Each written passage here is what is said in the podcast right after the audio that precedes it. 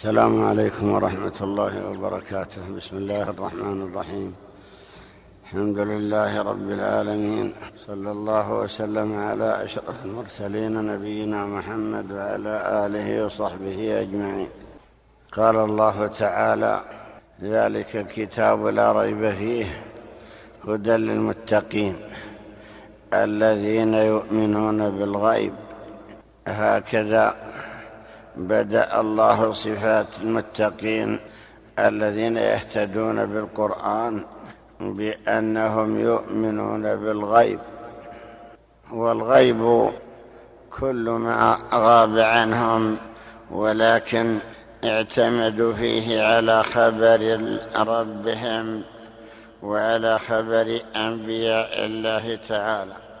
ومن المعلوم أن الإيمان بالله تعالى إيمان بالغيب وذلك لأنهم يؤمنون بالله تعالى وهم لم يروه ولو رأوه لزادوا في اجتهادهم وفي عبادتهم. وكذلك يؤمنون بالملائكة وبالكتب المنزلة وبالرسل الذين اختار الله تعالى اختارهم لرسالته. وكذلك يؤمنون بالبعث بعد الموت وبأشراط الساعة وبما يكون في يوم القيامة. وبما أخبر الله به من العذاب أو النعيم في الدار الآخرة كل ذلك داخل في الإيمان بالغيب. والعمدة فيه على الأخبار الصادقة التي تلقوها عن ربهم سبحانه وتعالى. تلقوا الأخبار الصادقة عن أنبياء الله تعالى. لما أنه سبحانه أرسل رسله أقام الأدلة على صدق الرسل حيث أجرى على يديهم خوارق العادات وأيدهم بالمعجزات الباهرات.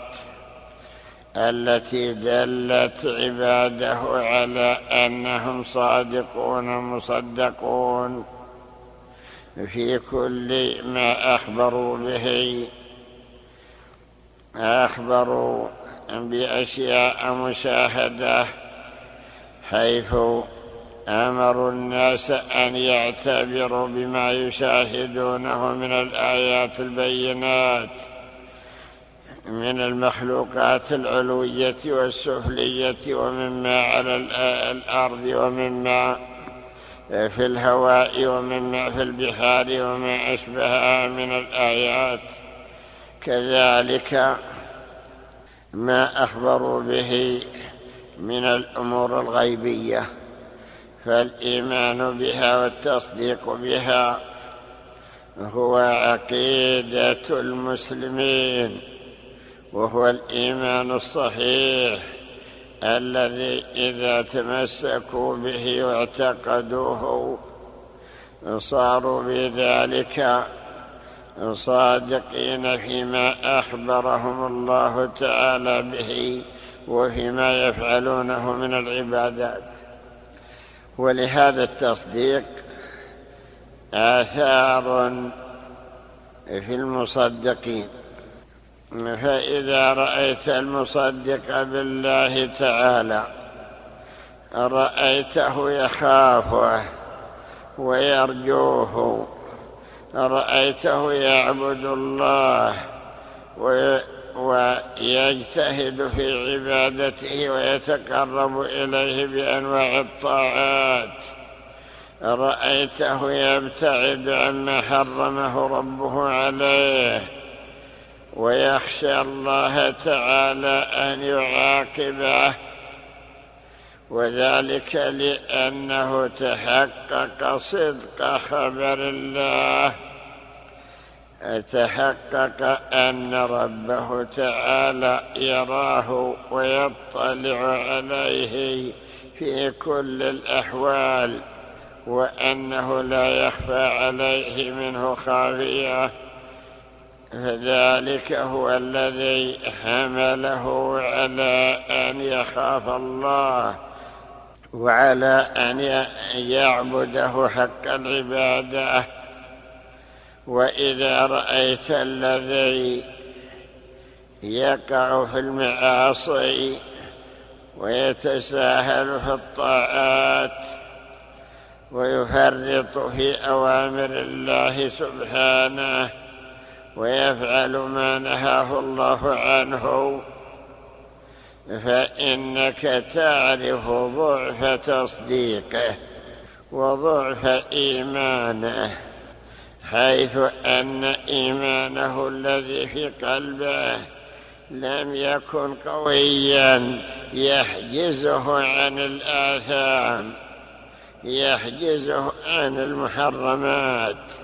يحمله على الطاعات وعلى الاستكثار من الصالحة. فتصديقه وضعف إيمانه وضعف وضعف ما في قلبه من اليقين. فكان أثر ذلك النقص في الأعمال. وكان أثر ذلك فعل السيئات. هذا أثر من آثار ضعف الإيمان. فنعرف بذلك أن قوة الإيمان تظهر آثارها بكثرة الحسنات والبعد عن السيئات وأن ضعف الإيمان يظهر أثره بكثرة السيئات وقلة الحسنات. وقد يكون مع العصاة شيء من من العمل. قد يكون عندهم عمل وحسنات ولكنها قليلة وضعيفة بالنسبة إلى غيرهم. و ذلك لأن السبب هو ما ذكرنا من قوة الإيمان أو ضعفه. وإذا أراد العبد أن يقوي إيمانه فإن عليه أن يتتبع الأخبار التي في كتاب ربه وفي سنة نبيه. والتي أخبر الله تعالى فيها أخبر فيها عن الأمم السابقة وأخبر عن الأمم اللاحقة. فإذا تتبعها ورأى وصدق ما رأى أو ما سمع رأى كيف أن ربه أحل بالعصاة أنواع العقوبات. وأنزل بهم المثلات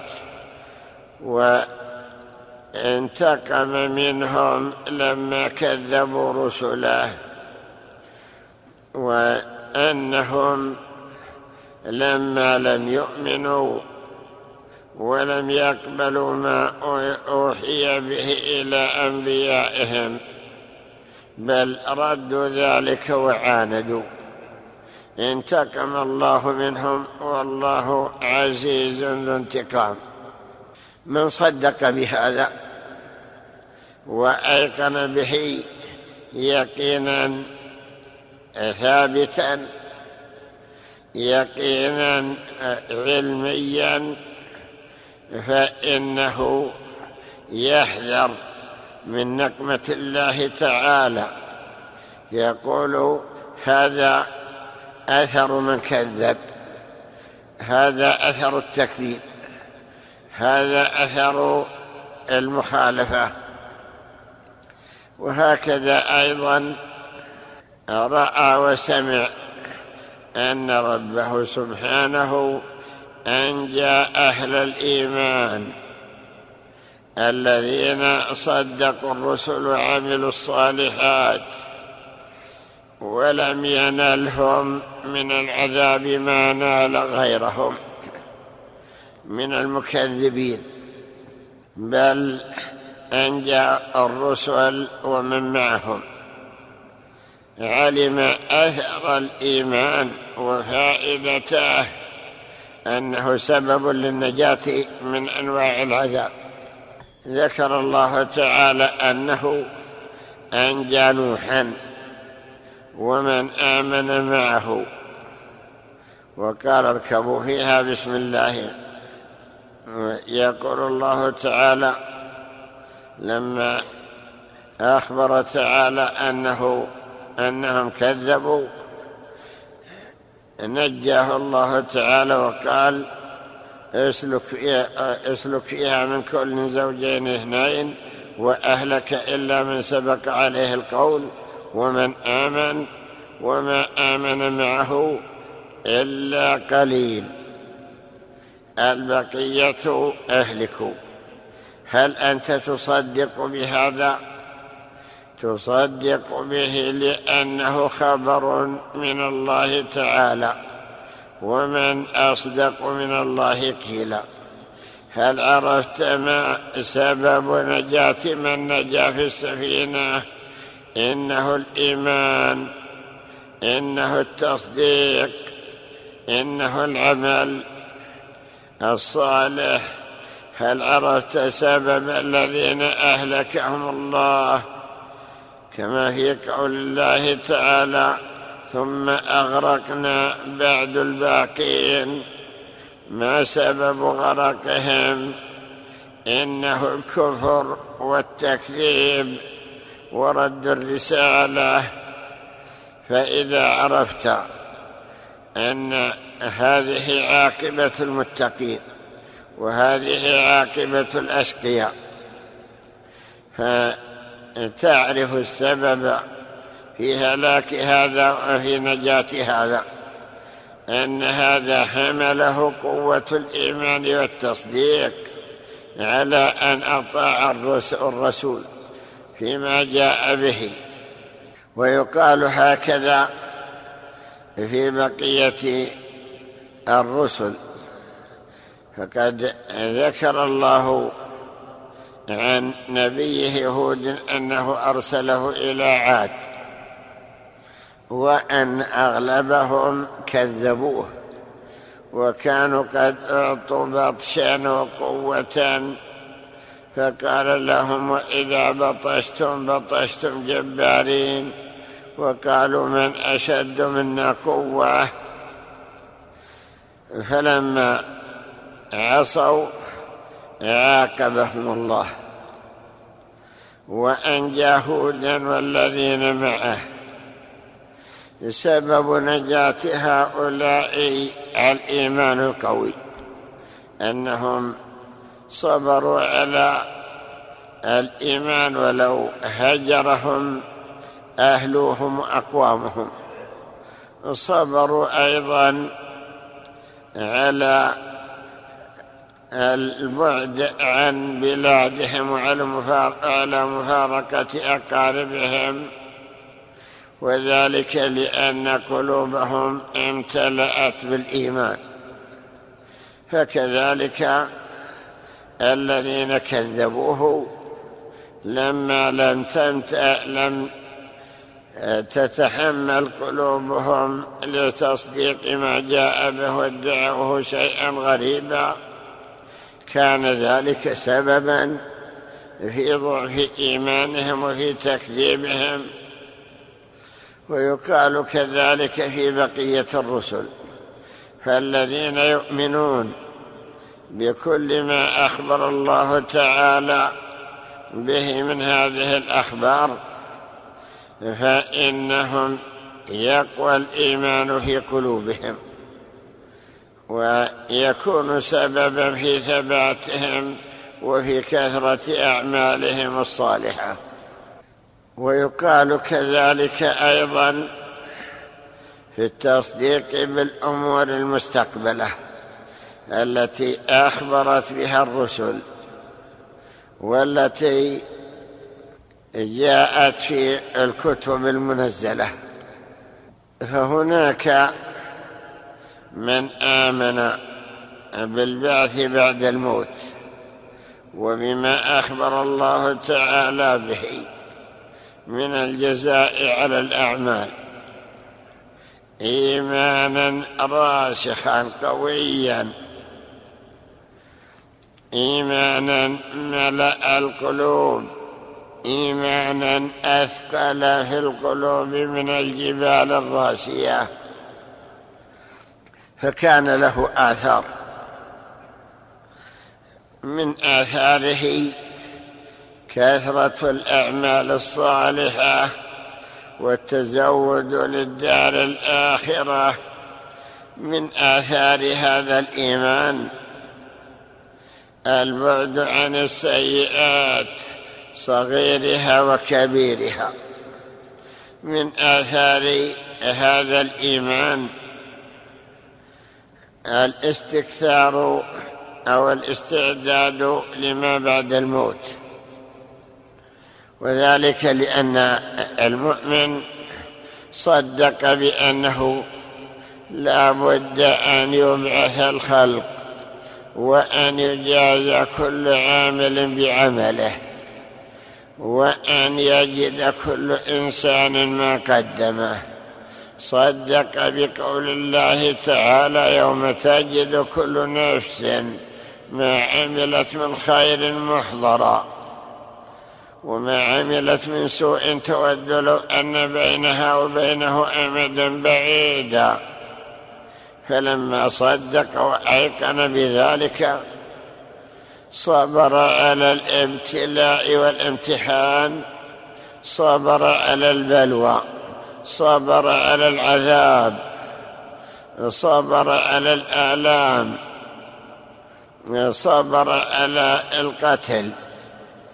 في الدنيا والتعذيب فالذي حملهم على هذا الصبر هو امتلاء قلوبهم بالإيمان. ورد أن بعض الصحابة الذين أسلموا بمكة عذبهم الكفار كما هو مشهور في التاريخ حتى كان بعضهم يلقى في الشمس مدة طويلة ويوضع على صدره الحجارة الكبيرة الحامية. ويقال لا نطلقك من هذا الوثاق إلا أن بعد أن تكفر. ولكن لم يكفر ولم يجبهم إلى ما سألوا. لماذا؟ لأنه مؤمن مصدق. وعارف وموقن بصحة ما هو عليه.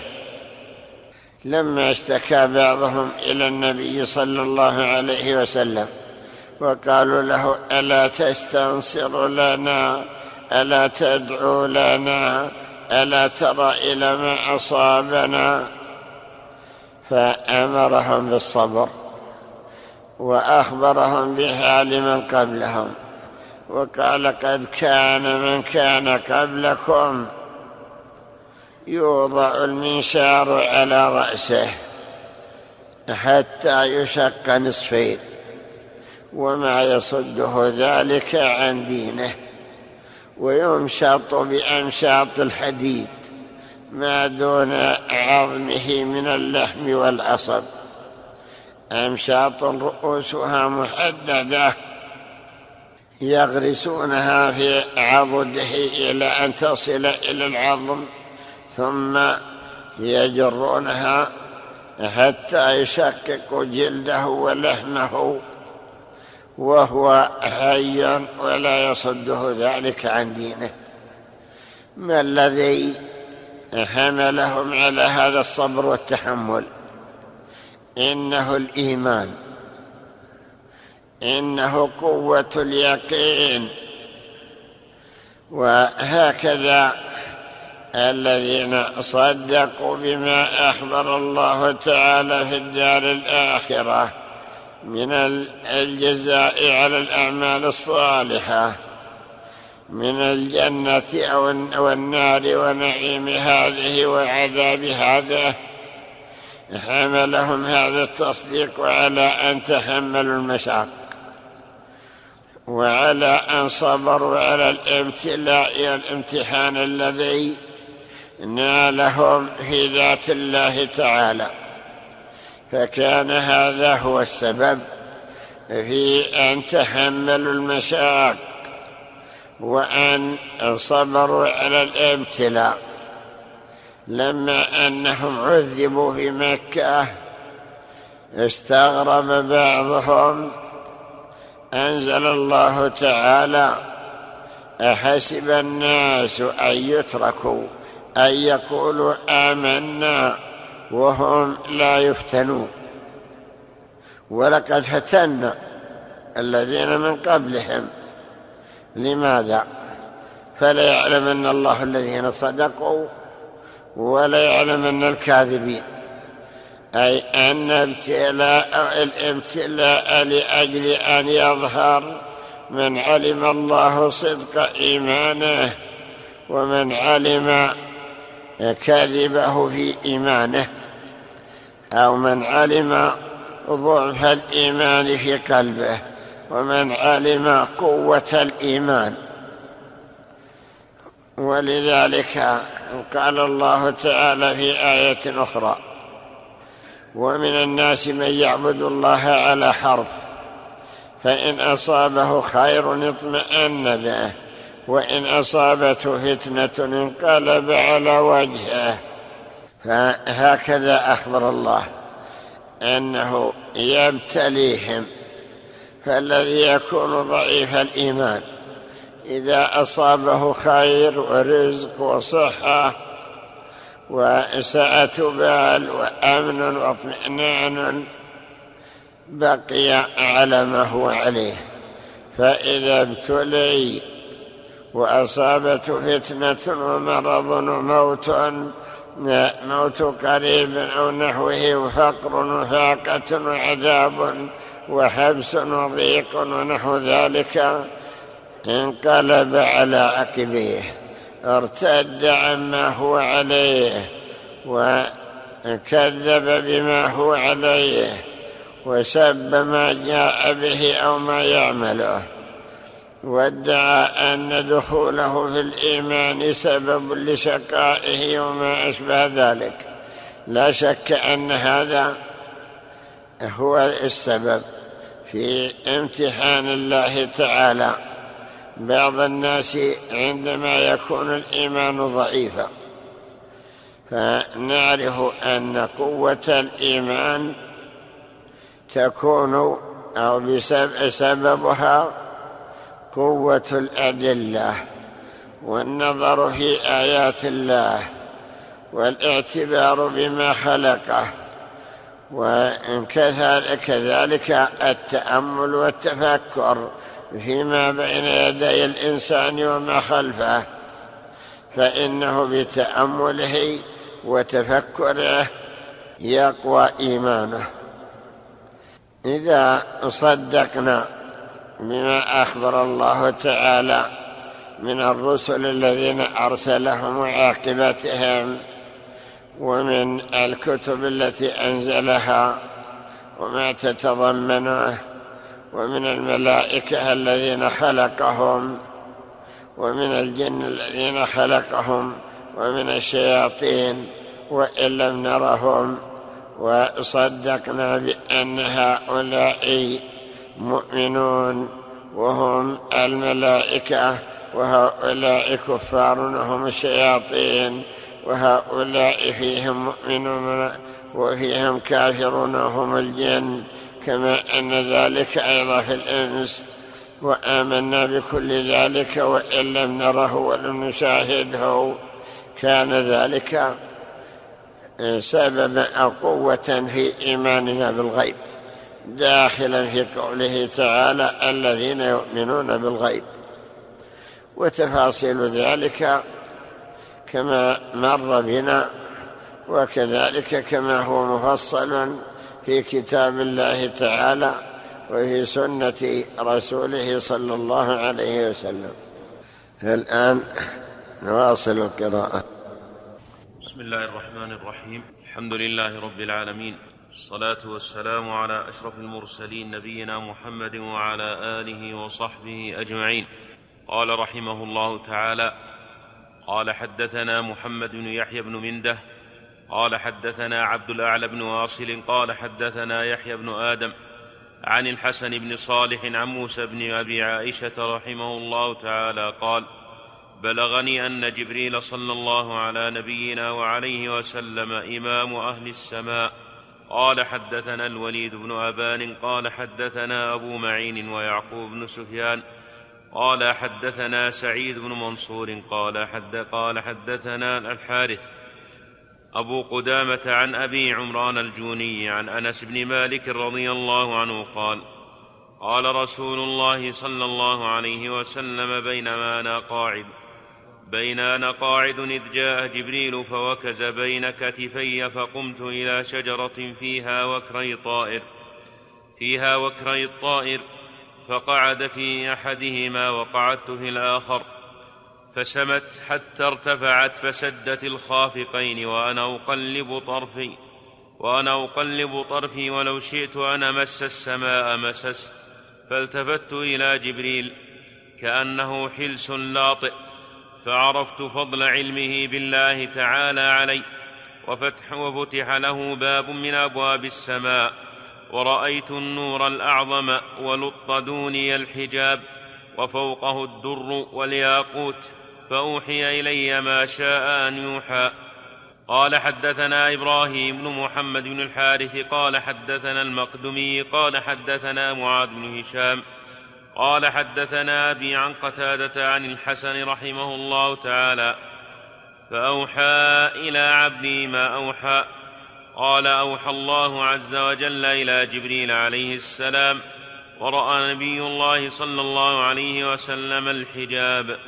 قال حدثنا إبراهيم قال حدثنا المقدمي قال حدثنا عبد الواحد بن زياد قال حدثنا الشيباني عن زر عن عبد الله رضي الله عنه قال ولقد رآه نزلة أخرى. قال رأى رسول الله صلى الله عليه وسلم جبريل في صورته له ستمائة جناح. قال حدثنا محمد بن العباس بن أيوب قال حدثنا زياد يحيى قال حدثنا عبد ربه.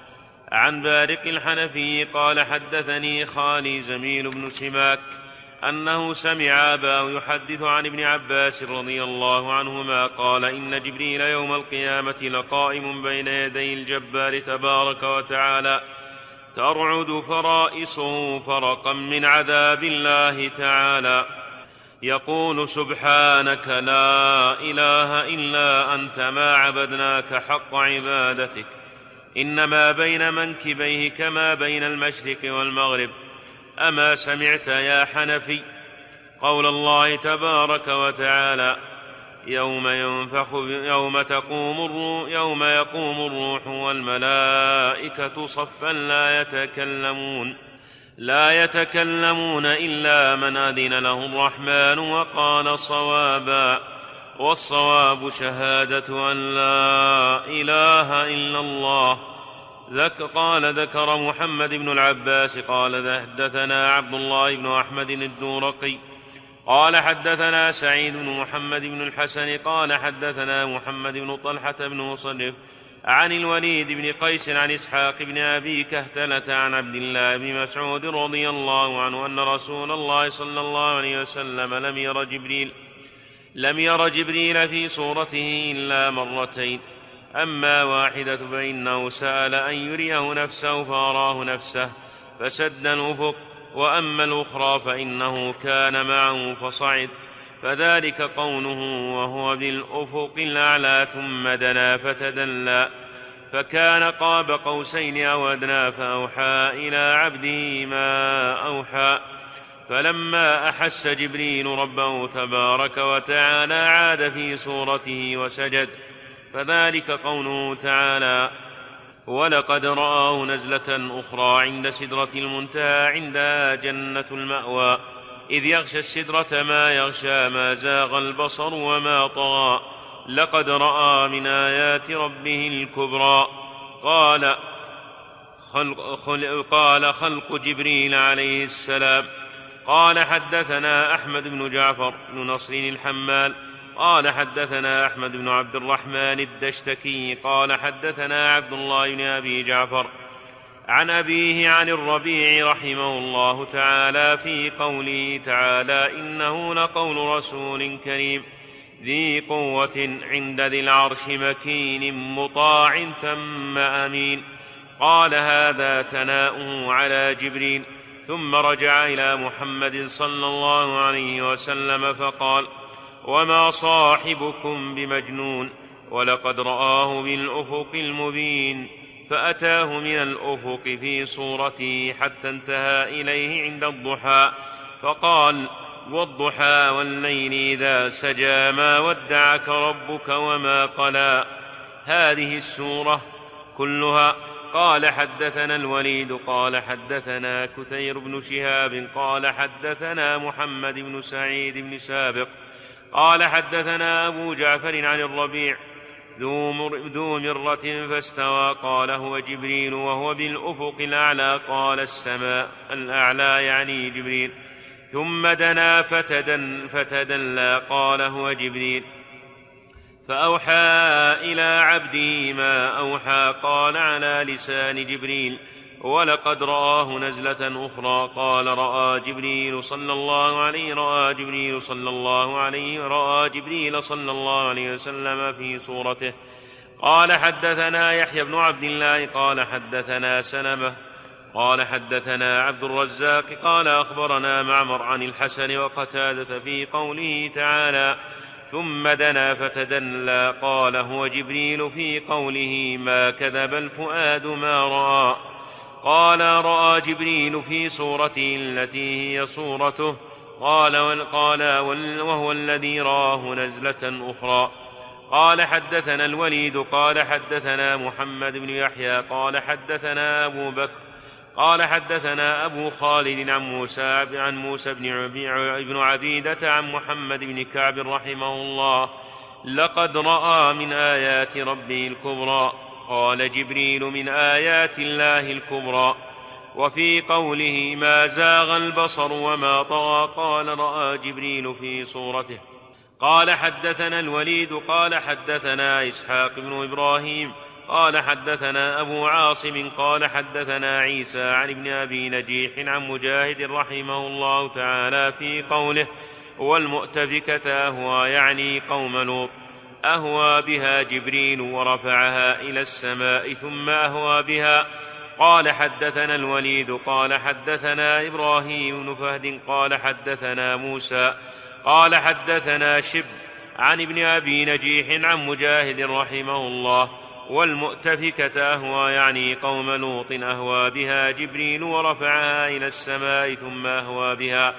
قال حدثنا الوليد قال حدثنا الحسين بن علي قال قرئ على عامر عن أصباط عن السدي قال فلما أصبحوا نزل جبريل صلى الله عليه وسلم فاقتلع مدائنهم من سبع أراضين فحملها حتى بلغ بهم السماء الدنيا. حتى سمع, سمع أهل السماء الدنيا نباح كلابهم وأصوات ديوكهم ثم قلبها فقتلهم. فذلك حين يقول الله تبارك وتعالى والمؤتفكة أهوى المنقلبة حين أهوى جبريل فاقتلعها بجناحه. قال حدثنا الوليد قال حدثنا أبو حاتم قال حدثنا محمد بن وهب. ابن وهب بن عطية الدمشقي قال حدثنا الوليد عن خليد بن دعلج عن قتادة رحمه الله تعالى قال كانت مدائن قوم لوط ثلاثة آلاف ألف بالسهل, بالسهل ببطن الغور والرابعة على الظاهر من الشراث. فيها أربعة آلاف ألف إنسان قال قتاده رحمه الله تعالى وبلغنا أن إبراهيم عليه السلام كثيرا ما يستشرف على مدائن قوم لوط بسدوم فيقول أي يوم لك؟ قال قتاده بعث جبريل فانتسفها من أصولها من العروة السفلى بجناحه حتى سمع أهل السماء أصوات الديوك وضغاء الكلاب ثم أهوى بها إلى الأرض وصار أسفلها أعلاها وجرجم بعضهم على بعض. وأتبع شذاذ القوم صخرا منضودا. قال حدثنا الوليد قال حدثنا أبو الحسن بن البراء قال حدثنا علي بن إسماعيل بن إبراهيم الصنعاني قال حدثني إبراهيم بن مسلم الأحول. قال سألنا وهب بن منبه رحمه الله عن خلق جبريل عليه السلام فزعم أن ما بين منكبيه من من ذا إلى ذا خفق الطير سبعمائة عام.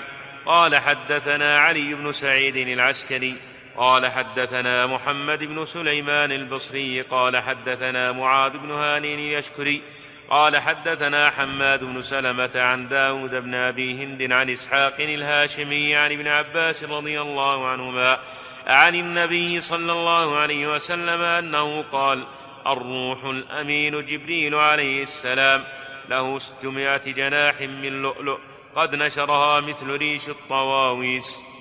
قال حدثني محمد بن يعقوب الأهوازي. قال حدثنا إسحاق بن الضيف.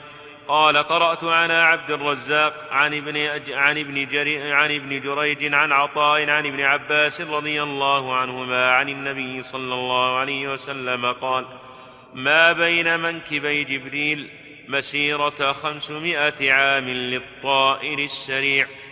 يتكلم في هذه الآثار على الملائكة ولكن الكلام ها هنا على أحدهم وهو جبريل عليه السلام وهو ملك الوحي الذي ينزل بالوحي على الأنبياء. ورد في بعض الأحاديث أن اليهود قالوا للنبي صلى الله عليه وسلم من وليك من الملائكة؟ فقال جبريل. فقالوا إنه ملك العذاب. إنه الذي ينزل بالعذاب وينزل بالسخط. لو كان وليك هو ميكائيل لصدقناك واتبعناك. فإنه عدونا. أنزل الله تعالى كل من كان عدوا لجبريل فإنه نزله على قلبك بإذن الله إلى قوله من كان عدوا لله وملائكته ورسله, ورسله وجبريل وميكال فإن الله عدو للكافرين. فأخبر بأنه من عاد ملائكة الله فإن الله تعالى عدو له. ورد أنه هو الذي ينزل على الأنبياء بالوحي. خلقه الله تعالى كما خلق بقية الملائكة من أرواح بلا أجساد ظاهرة نشاهدها. نعلم وجود الملائكة ولكن لا نتمكن من رؤيتهم. قد أخبر النبي صلى الله عليه وسلم بأنهم ينزلون. يقول صلى الله عليه وسلم يتعاقبون فيكم ملائكة بالليل وملائكة بالنهار. فيجتمعون في صلاة العصر وفي صلاة الفجر. فيصعد الذين باتوا فيكم إلى آخر الحديث مع أنهم لا يشاهدون.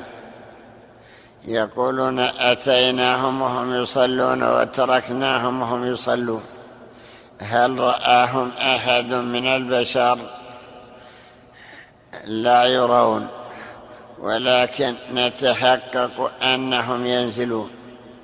كذلك ملك الوحي الذي هو جبريل عليه السلام ينزل على النبي صلى الله عليه وسلم بالوحي ولا يراه أحد ممن حوله إلا أن الله تعالى جعل للأنبياء قوة إدراك بحيث يرونهم وإن لم يرهم من حولهم. ثم عرفنا أن جبريل هو الذي ينزل على النبي صلى الله عليه وسلم.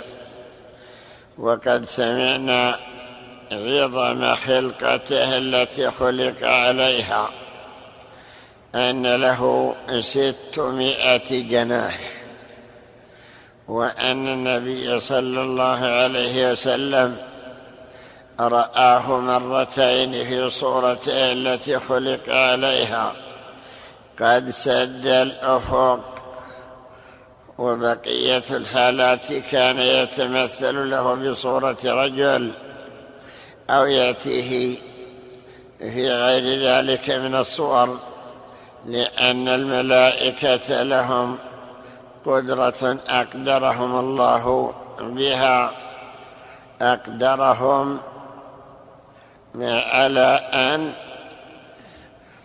أقدرهم على أن يتشكلوا.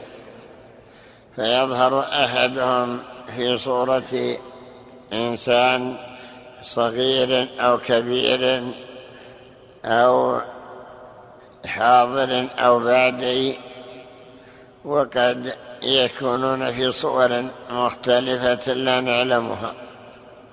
مما يدل على عظمة خلق الله تعالى وعلى قدرته ما سمعنا من خلق جبريل عليه السلام أنه له ستمائة جناح وأنه رفع قرى قوم لوط كما سمعتم. ذكروا أنها عدد قرى وتعرف بسدوم هكذا ذكر المؤرخون اسمها سدوم. وأنهم عددهم كثير ذنبهم عظيم وهو فعل الفاحشة الذي أنكره الله عليهم وأنكره عليهم نبيهم. لما أصروا على تكذيب نبيهم وعلى فعل هذه الفاحشة عاقبهم الله. أرسل إليهم هذا الملك الذي هو جبريل فاقتلع قريتهم أو قراهم ورفعها على جناحه حتى سمع أهل السماء الدنيا نباح كلابهم وصياح ديكتهم ثم قلبها عليهم. ثم أمطر عليهم حجارة من سجيل منضود. قد ذكر الله تعالى القلب في القرآن في قوله تعالى في سورة هود فلما جاء أمرنا جعلنا عاليها سافلها وأمطرنا عليها حجارة من سجيل منضود مسومة عند ربك. كيف جعل عاليها سافلها؟ لا بد أنه قلبها عليهم. في بعض الأحاديث التي سمعنا والآثار أنه اقتلع بلادهم وأرضهم من سبع أراضين وأنه حملها على جناحه.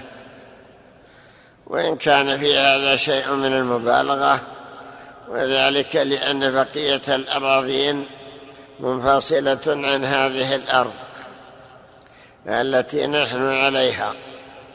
لكن اليقين انه كلعت أرضهم وقراهم وأنها قلبت عليهم كما أخبر الله. ذلك دلالته ظاهرة على ما أعطى الله تعالى هذا الملك من القوة. كيف حمل هذه القرى وأهلها وأرضها حتى رفعهم ثم أمره الله فقلبها عليهم. يستدلون بذلك على ما أعطاه الله تعالى من القوة.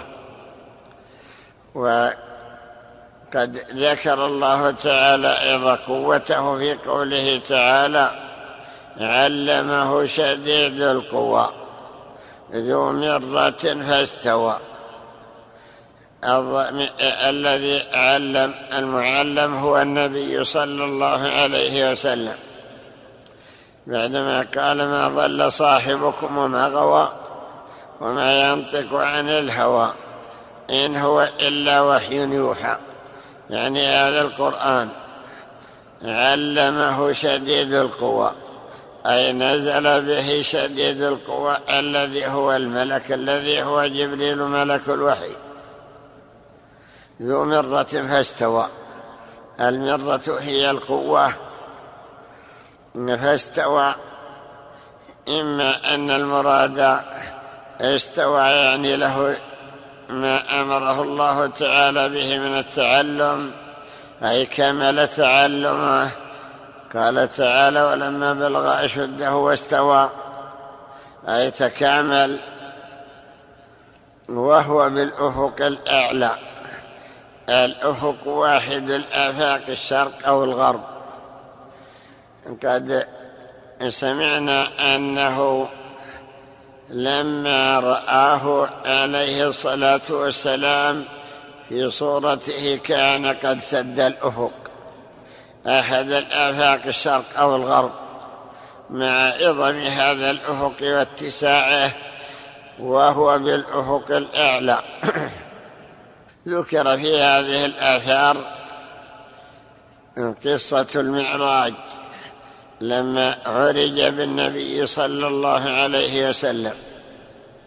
في الحديث أو في الأثر الذي مر بنا أنه لما نزل جعل له مثل الكفتين. قعد النبي صلى الله عليه وسلم في أحدهما وقعد جبريل في الثانية. يقول فرأيته متواضعا كأنه حلس على على أرض أو على فراش فعرفت بذلك فضله. صعد إلى السماء.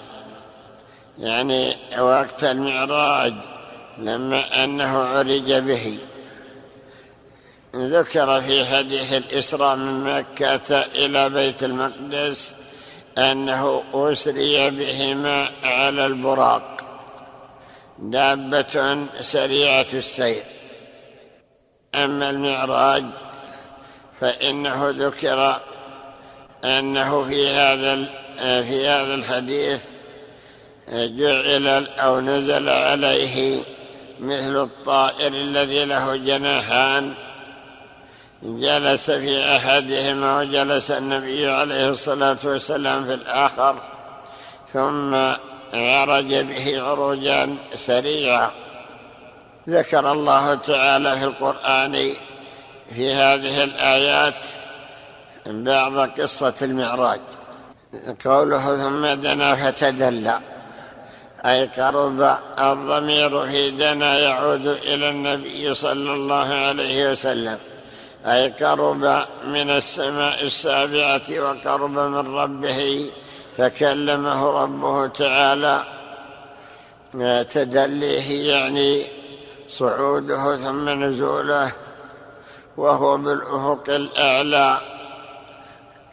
قد يراد بالأفق ها هنا أفق السماء. ثم دنا فتدلى فكان قاب قوسين أو أدنى. قربه من ربه أو قربه من البيت المعمور. كان قاب قوسين أي مقدار قوسين. القوس هو الذي يرمى به طوله نحو متر أو أقل أو قريبا منه أو أدنى فأوحى إلى عبده ما أوحى. وذلك في الإسراء كما سمعنا. يعني أن, أن الله تعالى أوحى إليه أي أنزل عليه الوحي أوحى إليه ومن ثم ذلك فرض السماوات فرض الصلوات فوق السماوات. فرض الله تعالى عليه خمسين صلاة ثم خففها إلى أن جعلها خمسا. فأوحى إلى عبده إما أن الله تعالى كلمه وسمع كلام الله أو أنه كلمه بواسطة الملك. فأوحى إلى عبده ما أوحى. أما قوله ما كذب الفؤاد ما رأى. فالفؤاد ها هنا يراد به قلب النبي صلى الله عليه وسلم. ذكر بعضهم أن هذه رؤيا منامية ولكن الصحيح أن الإسراء يقظة وأن هذه الرؤيا رؤيا يقظة وأنه رأى وعقل. رأى بعيني بصره وعقل ذلك بقلبه فما كذب وما رأى. ما كذب الفؤاد ما رأى. أفتمارونه على ما يرى. أفتشككونه فيما يراه وفيما تحققه من الذي أطلعه الله تعالى عليه. ولقد رآه نزلة أخرى. الضمير يعود إلى الملك. أي قد رأى الملك الذي هو جبريل نزلة أخرى مرة أخرى. وهذا دليل على أنه رآه في صورته مرتين. ذكرت وإحداهما في هذه السورة في قوله تعالى ولقد رآه نزلة أخرى وذكرت الأخرى في سورة التكوير في قوله تعالى ولقد رآه بالأفق المبين وهذه الرؤية كأنها في السماء عند سدرة المنتهى أي التي ينتهي إليها ما يصعد من السماء عندها جنة المأوى. دليل على أن الجنة في السماء وأنها عند منتهى ما فوق السماوات السبع. أفتمارونه على ما يرى؟ يعني تشككونه في شيء يراه لقد رأى من آيات ربه الكبرى أي رأى الكبرى من آياته أو رأى بعض آياته الكبيرة. وهذا ونحوه دليل على ما أطلع الله تعالى نبيه عليه الصلاة والسلام لما أسري به وعرج به أنه أسري به بواسطة هذا الملك الذي صعد به وذكر في الحديث أنه لما جاء إلى السماء الدنيا استفتح قيل من هذا؟ قال جبريل. قيل ومن معه؟ قال محمد. قيل وقد أرسل إليه؟ قال نعم. قيل مرحبا به وبمن جاء به ففتحوا إلى آخر ما ذكر في حديث الإسراء فالملك الذي هو جبريل ملك الوحي نعرف أنه خلق من خلق الله تعالى. وقد ذكر في عظمته ما ذكر. سمعنا أن ما بين منكبيه مسيرة سبعمائة سنة للطائر. يعني لو طار طائرا طيرا طيرانا سريعا سبعمائة سنة لكان ذلك ما بين عاتقيه أو منكبيه. أليس ذلك دليل على ما عظمة هذا الخلق؟ وأنه على هذه الخلقة العظيمة. كذلك أيضا إذا عرفنا عظمة المخلوق عرفنا بذلك عظمة الخالق.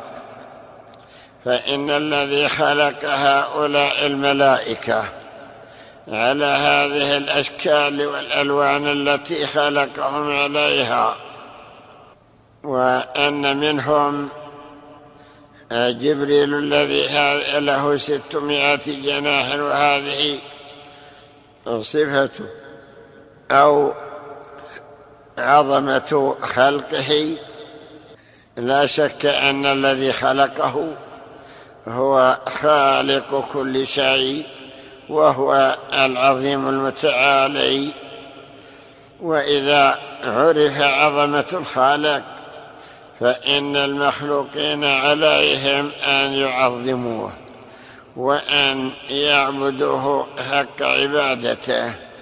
فإن الذي خلق هذا المخلوق بهذه الصفة وجعله على هذا الهيكل وإن لم ندركه ولم نعرف ما هو عليه لا شك أنه عظيم أنه هو الرب العظيم الخالق المستحق للعبادة.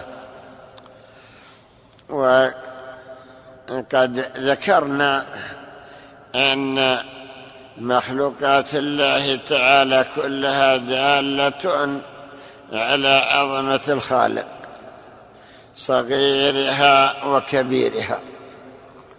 فإن منها الصغير الذي لا يوبه له وهو حقير ولكن خلقه وتركيبه عظيم كالبعوض والذر والنحل وما أشبه ذلك. ومنه ما هو عظيم كهذه المخلوقات التي هي الملائكة والمخلوقات العلوية والسفلية. كل ذلك آية من آيات الله سبحانه وتعالى. والله أعلم.